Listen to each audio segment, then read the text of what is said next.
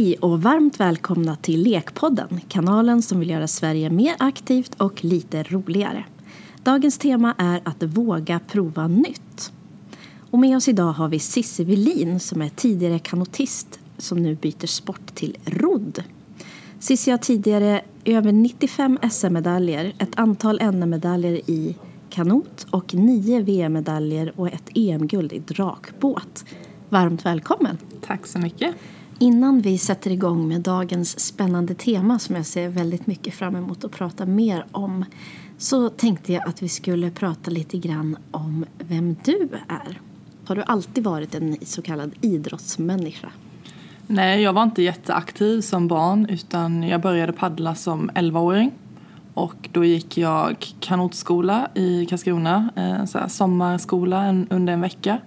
Och det var min eh, pappas kollega och eh, hans son som paddlade. Och så tyckte de att jag skulle testa på det här. Och jag hade ingen aning om vad kanot var men så sa jag okej, okay, ja det kan jag väl göra.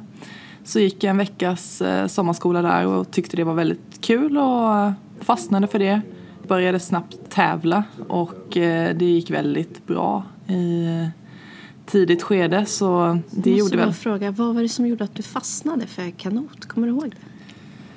Hmm, jag, jag tror att jag tyckte det var väldigt kul att träna utomhus. Det var en blandning av både tjejer och killar. Väldigt eh, komplex idrott där du både ska ha balans och teknik och styrka, uthållighet. Så det var nog mycket så. Och ja, men framförallt liksom, ja, det sociala. Klubben var väldigt eh, trevlig. Så som sagt, sen började jag tävla och eh, min första ungdomscupstävling var jag med på efter fyra månaders paddlande och eh, då slog jag den tjejen som hade vunnit varenda lopp. Och det var ju ingen som trodde att jag skulle göra detta så eh, och pappa var inte med, eh, varken mamma eller pappa. Och pappa hade sagt att om du går till A-final så ska du få 100 kronor. Eh, så jag ringde ju efter försöksloppet och sa nu har jag gått till A-final. Han bara va, har du? och sen efter finalen vann jag med 1900 delar så ringde jag och sa nu har jag vunnit. Han bara nej, du skojar. Jag bara jo. och sen eh, rullade det på. Sen har det blivit ganska många SM-medaljer. Men det har jag hela tiden gått i vågor, upp och ner. Och det är klart att det har varit tuffa perioder där jag liksom har känt att jag inte vill paddla mer och sen har jag kommit tillbaka och hittat glädjen. Eh, jag har varit med i ungdomslandslag och juniorlandslag och precis varit utanför eh, större mästerskap som EM och VM. Så kom jag till ett skede ungefär 2008-2009 där jag faktiskt redan då testade på rodd. Men eh, fastnade väl inte för det hundra. Eh, jag gick sista året på gymnasiet och eh, var på ett träningsläger nere i Spanien. Mötte en eh, gammal roddare där som sa men åk till roddgymnasiet och, och testa på. Och det gjorde jag och de ville ju att jag skulle börja direkt och gjorde bra syreupptagningstester och allt sådär. Men eh, jag trivdes väldigt bra i Karlskrona. Jag kände att jag inte ville släppa taget. Men jag fick hjälp av en tränare, Johan Flodin, som bodde i Jönköping. Jag pendlade lite dit, köpte faktiskt en båt. Men eh, det var ganska ensamt att vara i Karlskrona och hålla på med en sport som inte, där det inte finns en klubb. Men jag tävlade två gånger på roddmaskin och slog ett svenskt U23-rekord och då var det så här, Cissi Velin, kanotisten, kom hit och ja, slår rekord. Så men, har, har du framförallt drivits av att vara med i tävlingar? Det är mycket tävlingar som du ja, deltar i. Nej, men jag, jag är en tävlingsmänniska. Och jag vet inte hur det har kommit. För som sagt innan jag började paddla så, så höll jag inte på med så mycket idrott. Och jag provade liksom pingis och ja, lite skridskor. Men inget sådär direkt. Så jag vet inte riktigt var det här tävlingsjäveln kommer ifrån. Men den har liksom växt fram och direkt egentligen när jag började paddla så eh, i tidigt skede så hade jag ju målet att eh, vara med på OS och vara bland de bästa i världen. Så ja, jag vet inte om det har funnits någonstans undermedvetet i, i mig men eh, mm, tävla gillar jag. Ja. Vad tror du det är med tävling som du gillar? Nej, men jag älskar att vinna. Ja. Tycker inte om att förlora. Nej men Det är är, det, är det att du får ett kvitto på att... Ja men mycket är det väl så. Självklart så är träningen eh, alltså för mig en, eh, ja, en rolig del och skulle jag inte tycka det är roligt att träna så hade det varit svårt att, att uppnå resultat. Men jag måste ju också känna liksom, som du säger, ett kvitto på det jag gör och ja, få ut eh, prestationen och ja, resultat och så. Men eh, jag älskar som sagt att träna också så ja, det får väl vara en eh, balans mellan det hela. Men sen då när du kom på att du skulle byta till rodd Ja. nu? Ja, nu senaste då. För, jag fick tillbaka glädjen till kanoten eh, 2009 och sen så tävlade jag på SM 2009 tillsammans med tre andra tjejer i klubben och vi vann varandra distans på SM utan att jag egentligen hade paddlat så mycket. Men då var det väldigt skönt att kravlöst kunna liksom åka till kanot-SM utan att ha paddlat så mycket och ändå vinna. Så det kändes skönt. Sen så gjorde jag en ny satsning i kanot eh, till 2011 Eh, där målet var att köra U23 EM. Tyvärr missade jag det med typ fyra tiondelar. Så det var ganska surt och efter dess så kände jag liksom nej, varför gör jag det här? Det var liksom, jag fick aldrig någon eh, riktig respons eller hjälp och stöd av eh, förbundet kände jag. Det var liksom ingen som, som trodde på mig. Så jag valde att lägga ner min elitsatsning och höll egentligen bara på på eh, nationell nivå och köra SM och tränade för att jag tyckte det var kul. Och eh, måste fråga där om satsningen, för jag vet att du brinner väldigt mycket för jämställdhet också inom idrott. Mm. Eh, Är det någonting som du har upplevt? ja, det, det har väl alltid varit eh, mer fokus på killar, absolut. Även inom kanotsporten? Ja, Så. ja, det tycker jag. Ofta kanske det beror på att det är mycket manliga tränare och kaptener. Eh, Men jag har mött några kvinnliga tränare och det är det faktiskt de som har varit eh, bra som, har, som jag har fått hjälp och stöd av. Men eh, tyvärr så har det ändå liksom varit mer fokus på, på killar och de har haft fler olika utvecklingsgrupper och ja, stödet har liksom varit betydligt större. Mm. Vad tror du skulle kunna förändra det? Ja, men alltså som en grej är nog liksom att försöka få in fler kvinnor som, eh, som ledare och kaptener. Skulle du själv kunna tänka dig att bli det sen?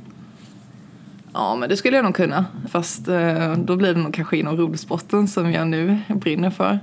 Men eh, jag har ju jobbat lite grann som tränare och jag tycker det är oerhört kul att ge liksom någonting tillbaka som man eh, själv har varit med om och som man själv kan och inspirera andra. Om man känner att man liksom att de man tränar verkligen vill. Eh, Jag har svårt att träna grupper där man inte får någonting tillbaka eller där inte de har mot- alltså det är svårt att ge dem motivation till 100% utan de måste ändå ha en vilja själv. Eh, Men sen då som jag kom in på rodden nu då var det faktiskt så att eh, min eh, nuvarande tränare David som är eh, roddare eh, sen innan och varit med på OS och kommit fyra och sen coachat i Nederländerna och tagit massa eh, roddare dit och vunnit eh, hur många medaljer som helst som coach. Han eh, eh har bott i Sverige sedan några år tillbaka och lever med eh, familj och, och barn och så i Mölndal. Han ansåg att det finns väldigt många eh, i Sverige som har möjlighet att bli eh, duktiga. Det finns kapacitet men det finns inte så många bra tränare som tar hand om de här. Så han la ut en eh, förfrågan på Rodförbundet där han sökte tjejer, eller både tjejer och killar som hade ja, potential att bli duktiga. Framförallt längd och ja, syreupptagningsförmågan och sådär. Eh, Så min pappa hade fått syn på detta och eh, skrev ett mejl och sa men jag har en galen tjej, min dotter, hon kanske skulle vara intresserad av en utmaning. Och skickade kopia till mig så han var ju inte sen på att höra av sig. Och frågade om eh, längd och vikt och armspann och syreupptagningsförmåga och allt möjligt. Så jag, Okej, så det var en riktigt sån här fysisk ja, genomgång? Eh, Så jag svarade snabbt tillbaka och hade ju bra syreupptagningsförmåga och eh, är ju 1,85 lång som är jättebra då inom rodd. Ja, eh, han ville ju direkt att jag skulle komma dit. Men då var det ju där liksom att ta ett steg att åka dit och eh, hans plan var väl liksom att eh, hitta 12 duktiga tjejer och försöka få ihop en åtta, åtta manna roddbåt då eh, med damer som skulle kunna köra OS 2020. Och det fanns ju någonstans då liksom i bakhuvudet att om, om jag ska åka dit, eh, varför ska jag åka dit, för vem, vad har jag för mål med det hela? Och eh, ja, visst jag skulle kunna åka upp och bara testa men det är ändå liksom en resa upp till Göteborg och sen ta det här steget. Samtidigt höll jag på att paddla lite grann. Eh, jag hade börjat med drakbåt som jag satsade hårt på. Och så skulle jag genomföra klassiken. Så det var väldigt mycket och att bara åka upp dit då för att göra de här testerna det kändes liksom ja visst det kan jag men, men, var, men varför? Och så hade vi bokat något datum men så rann det ut i sanden så det blev liksom aldrig av. Men han, han hade inte släppt detta så under ett års tid så hade vi ju mejlkontakt men det blev aldrig ett möte. Så hörde han av sig förra hösten, alltså 2015, oktober och så skrev han ett mejl att kan jag inte få ditt telefonnummer? Så fick han det och ringde upp och eh, sa att vi har massa roligt framför oss och vi ska åka på träningsläger till Spanien och vi ska åka till Australien och detta är en eh, stor satsning som eh, ja, kommer leda till det här och det här och ja, lyfter väldigt projektet väldigt högt så kände jag att okej, okay, men jag kan väl åka och göra de här testerna. Så jag åkte upp i slutet av oktober 2015 och Hur var dina känslor då när du var på väg dit? Vad hade du för förväntningar och inställning? Nej men då, då kände jag nog liksom att då hade, för då hade jag liksom, då var jag färdig mer eller mindre med kanot och drakbåt i alla fall för, för säsongen. Klassiken var avklarad så då hade jag inte så mycket på programmet så då kände jag om jag ska göra det här nu, för det var många andra som också sa liksom du ska nog ge det en chans för att det kan vara jobbigt att ha släppt det här utan att liksom ha, ha provat om någon verkligen eh, vill att du ska dit. Självklart ska viljan komma från dig själv men eh, ja, det kan vara värt att testa. Så när jag, när jag bestämde mig för det så då hade jag ändå liksom som mål att göra det riktigt bra. Men tycka att det var kul för att annars skulle jag inte annars skulle jag inte fortsätta, annars skulle jag inte göra det. Så jag åkte dit ganska avslappnad och kände liksom att ah, okej, okay, det är bara att visa mig vad testerna är och sen så gör jag det. Så vi möttes där i Mölndal och eh, gjorde då några styrketester på en maskin där du mäter din eh, benstyrka och armstyrka, ryggstyrka och så här i en eh, dragmaskin. Och jag testade lite så och eftersom han då hade varit tränare i Nederländerna och hade jättemycket resultat så, så började jag fråga så här, typ efter andra övningen. Men alltså vad, har du inte några resultat på vad, vad den bästa kör på? Tävlingsmänniskan, kom, kommer han, han direkt? Ja, han såg det direkt. Så jag, han bara, jo jag kan ta fram här. Jag bara, ja. ja. Så då pressade jag på lite hårdare. så då, redan då var det liksom världsklass på de här resultaten. Sen efter de styrketesterna så körde jag roddmaskin och gjorde bra tester på 500 meter och och 30 minuter för att inte liksom ha tränat det särskilt mycket. Eh, sen hade vi något möte och jag frågade han liksom, när har du som eh, ambition att hitta de här 12 eh, tjejerna? Han bara, nej men jag har ju en nu i alla fall. så han hade ju räknat med mig totalt. Och det kändes så himla kul att möta en sån människa som hade sån eh, passion och eh, glädje för sporten och verkligen, verkligen ville detta och jag kände liksom ett enormt stöd redan då från honom.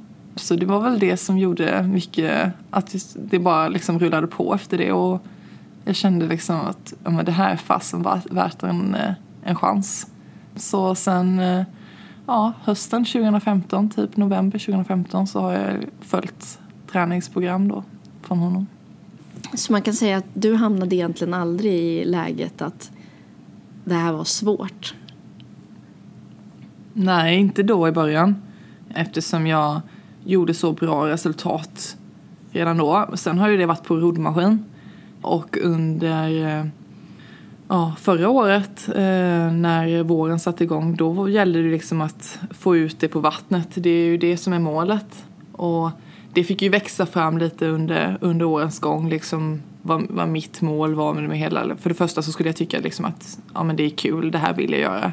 Och skulle jag tycka det och det går bra liksom, ja då skulle väl målet antagligen bli OS och det är det nu. Eh, så OS 2020. Men som sagt, att göra någonting på maskin och ha en bra fysik och få ut det på vattnet, det vet man ju inte om det går. Men i och med att jag har en tränare som själv har varit där och har enorm erfarenhet och liksom kan coacha mig och lära mig det tekniskt så känner jag liksom, säger han att jag kan så, ja det kan jag. Så det är bara att köra. Och om man tänker då framgångsfaktorerna för dig för att faktiskt ta steget till att prova en ny sport som det här ju faktiskt är. Även om för en lekman kan det tyckas ganska likt. Båda är på vattnet, båda är i någon slags eh, kajakkanotformad farkost. Vad skulle du säga? Du har nämnt här att du fick stöd, att det var någon som trodde på dig. Att du kände dig klar med kanoten. Ja, alltså att våga prova. Mycket, i det här fallet så handlar det verkligen om att liksom få, få stöd och få, få, få någon som tror på en. Men också känna att man har kanske tid för det. Eh, jag har väl aldrig liksom egentligen varit rädd för att prova nya saker skulle jag inte säga men däremot så har jag väl eftersom jag har ganska höga ambitioner med det jag gör så, så har det väl mycket handlat om, att, handlat om det. Vad, vad vill jag med det? Har jag tid för det? För varför ska jag göra det? Men eh, annars så skulle jag säga var inte rädd för att prova nya saker för det kan ju vara någonting som du ja, fastnar för och tycker är jättekul eller om du har ambition att vara duktig så kanske du är jätteduktig på någonting som du inte vet. Du nämner ju här nu att du har höga ambitioner med det du gör. Och jag kan tänka mig att du jobbar en hel del med mål. Det har du också nämnt nu här under intervjun. Hur ser du på mål? Jo, mål är en viktig del för mig för att hitta drivkraft och träna hårt Ja, jag har ju ett huvudmål som är OS 2020 men på vägen dit är det ju väldigt lång resa och det är ju små delmål hela vägen. Så under året så var, eller ja, föregående år då, var ju några av målen att ha världsrekord på roddmaskin. Jag... Små mål. Ja. ja, förhållandevis. Nej men det lyckades jag med att ta fyra världsrekord under fyra dagar. Det är ju faktiskt helt otroligt. Mm. Ja, Nej, men för, sen kan det bli ganska litet för en själv som är inne i det. Men eh, när man tittar på det utifrån så ja, det är ju ganska coolt att ha fyra världsrekord. Det är nästan ett världsrekord i sig. Ja. men eh, sen kan ju liksom det kan vara ett mål att eh, ja, slå någon tid, träna ett visst antal timmar under en vecka men hela tiden hitta någonting som, eh, som driver mig. Och jag, jag vill ju nästan göra varenda pass bättre och det går ju inte alltid. Eh, jag förstår att man inte alltid, alltid blir bättre men eh, samtidigt så är det ju någonting då som gör att jag verkligen vill pusha och vill eh, nå högre gränser. Och det, det är väl viktigt att hitta liksom inom mycket i livet. Även, vid, även arbete till exempel. Ja, för jag satt och tänkte på det där häromdagen. Själv så ser jag ju idrott väldigt mycket som en hobby. Någonting som jag bara gör för att det är kul. Och har egentligen inga mål. Nej. Då börjar jag tänka på hur det är i mitt jobb. Om det skulle vara utan mål, då skulle det vara väldigt svårt att mäta om min uppdragsgivare tycker att jag har uppnått det jag ska. Det skulle också vara svårt för mig att veta vilka insatser jag ska göra för att jag vet inte vad vi ska uppnå. Jag kommer att tänka på det att en elitidrottare har ju sin idrott som ett jobb snarare. Men så tänkte jag på det att okej, okay, men alla vi då som vill bara träna för att det är kul eller liksom de som har svårt att komma igång och man ofta efterfrågar vad har du för mål som första punkt. Du älskar ju att baka mm. till exempel. Och Tänk att du skulle ha mål med din bakning. Att första frågan skulle vara vad, vad har du för mål med din bakning? Det blir väldigt lustigt. Ja, det skulle bli väldigt konstigt faktiskt. Men jag förstår absolut din... Ska använda fler ingredienser, Ja. baka minst sju tårtor Ja. det här året. Nej, det är ju någonting jag gör för att jag verkligen tycker det är kul. Och släppa tankarna på något annat och göra det helt prestationslöst. Så absolut så förstår jag en vanlig motionär. De behöver inte egentligen ha några mål med träningen. Om det inte är någonting som driver dem och gör att de tränar mer och det är det de vill. Men annars är det ju verkligen liksom att hitta, hitta glädjen och hitta aktiviteter som ja, de tycker är kul och passar dem. Hur hittar du glädjen i bakning då? För att försöka hitta en parallell här. Kan vi, kan vi motionärer lära oss något av hur du hittar passion i bakningen? Jag tycker det verkligen är eh, ja, men en, eh, en skön hobby att eh, kunna göra någonting där jag inte, för där tävlar jag ju inte. Fast Även- visst har även- du anmält dig till? Men jag har anmält mig till Hela Sverige bakar. Men eh, jag kom ju inte med så att eh, jag får släppa den. Jag får göra det liksom utan att tävla då. Nu har jag ju rodden och satsa hårt på så jag kan göra bakningen utan att, utan att tävla. Men sen är jag ju ändå ganska mycket perfektionist så att jag vill ju inte göra bakningen dålig heller. Men eh, det är en tid där jag liksom kan stå i köket och fixa lite och vara för mig själv och ja, sen bjuda på en god fika och liksom njuta av det. Ja. Det här med att njuta av livet är ju något som du brukar lyfta fram ja. som en viktig del för dig även som elitidrottare. Hur tänker du kring det? Hur ser du till att du får tid till Ja. det? ja, det går ju väldigt mycket tid och träning och så. Men eh, jag försöker verkligen att eh, njuta av livet och ja, men umgås med mina vänner och min familj och äta god mat för att jag älskar mat. Eh, ja, men kunna gå och fika och jag skulle, det skulle ta bort mycket av eh, livsglädjen om jag skulle liksom gå på ett stenhårt kostprogram och inte kunna äta vad jag vill. Självklart så tänker jag på vad jag äter för jag behöver få i mig väldigt mycket mat och en bra energi. Men eh, skulle jag liksom inte kunna gå och ta en fika eller inte dricka ett glas vin för att jag tycker att det är gott så skulle nog livet vara ganska tråkigt. Och ja, jag lever bara en gång och jag anser att, ja, lev livet. Mycket bra. Och det här på tal om tid. Jag såg här i ditt Instagramflöde att eh, topp ett för förra året är vad då för någonting?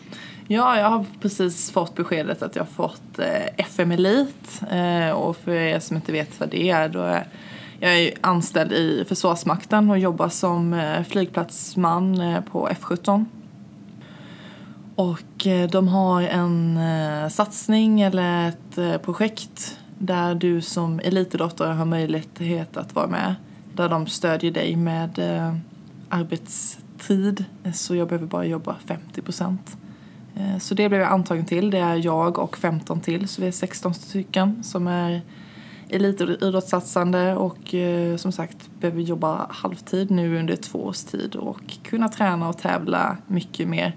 Och det är verkligen, verkligen en eh, stor förmån och möjlighet att kunna ja, satsa fullt ut på min idrott för att Eftersom jag har valt idrotten rodd som är ganska liten i Sverige så, så är det svårt att liksom klara sig ekonomiskt bara på, på idrotten. Och jag, jag behöver kombinera det med ett eh, arbete.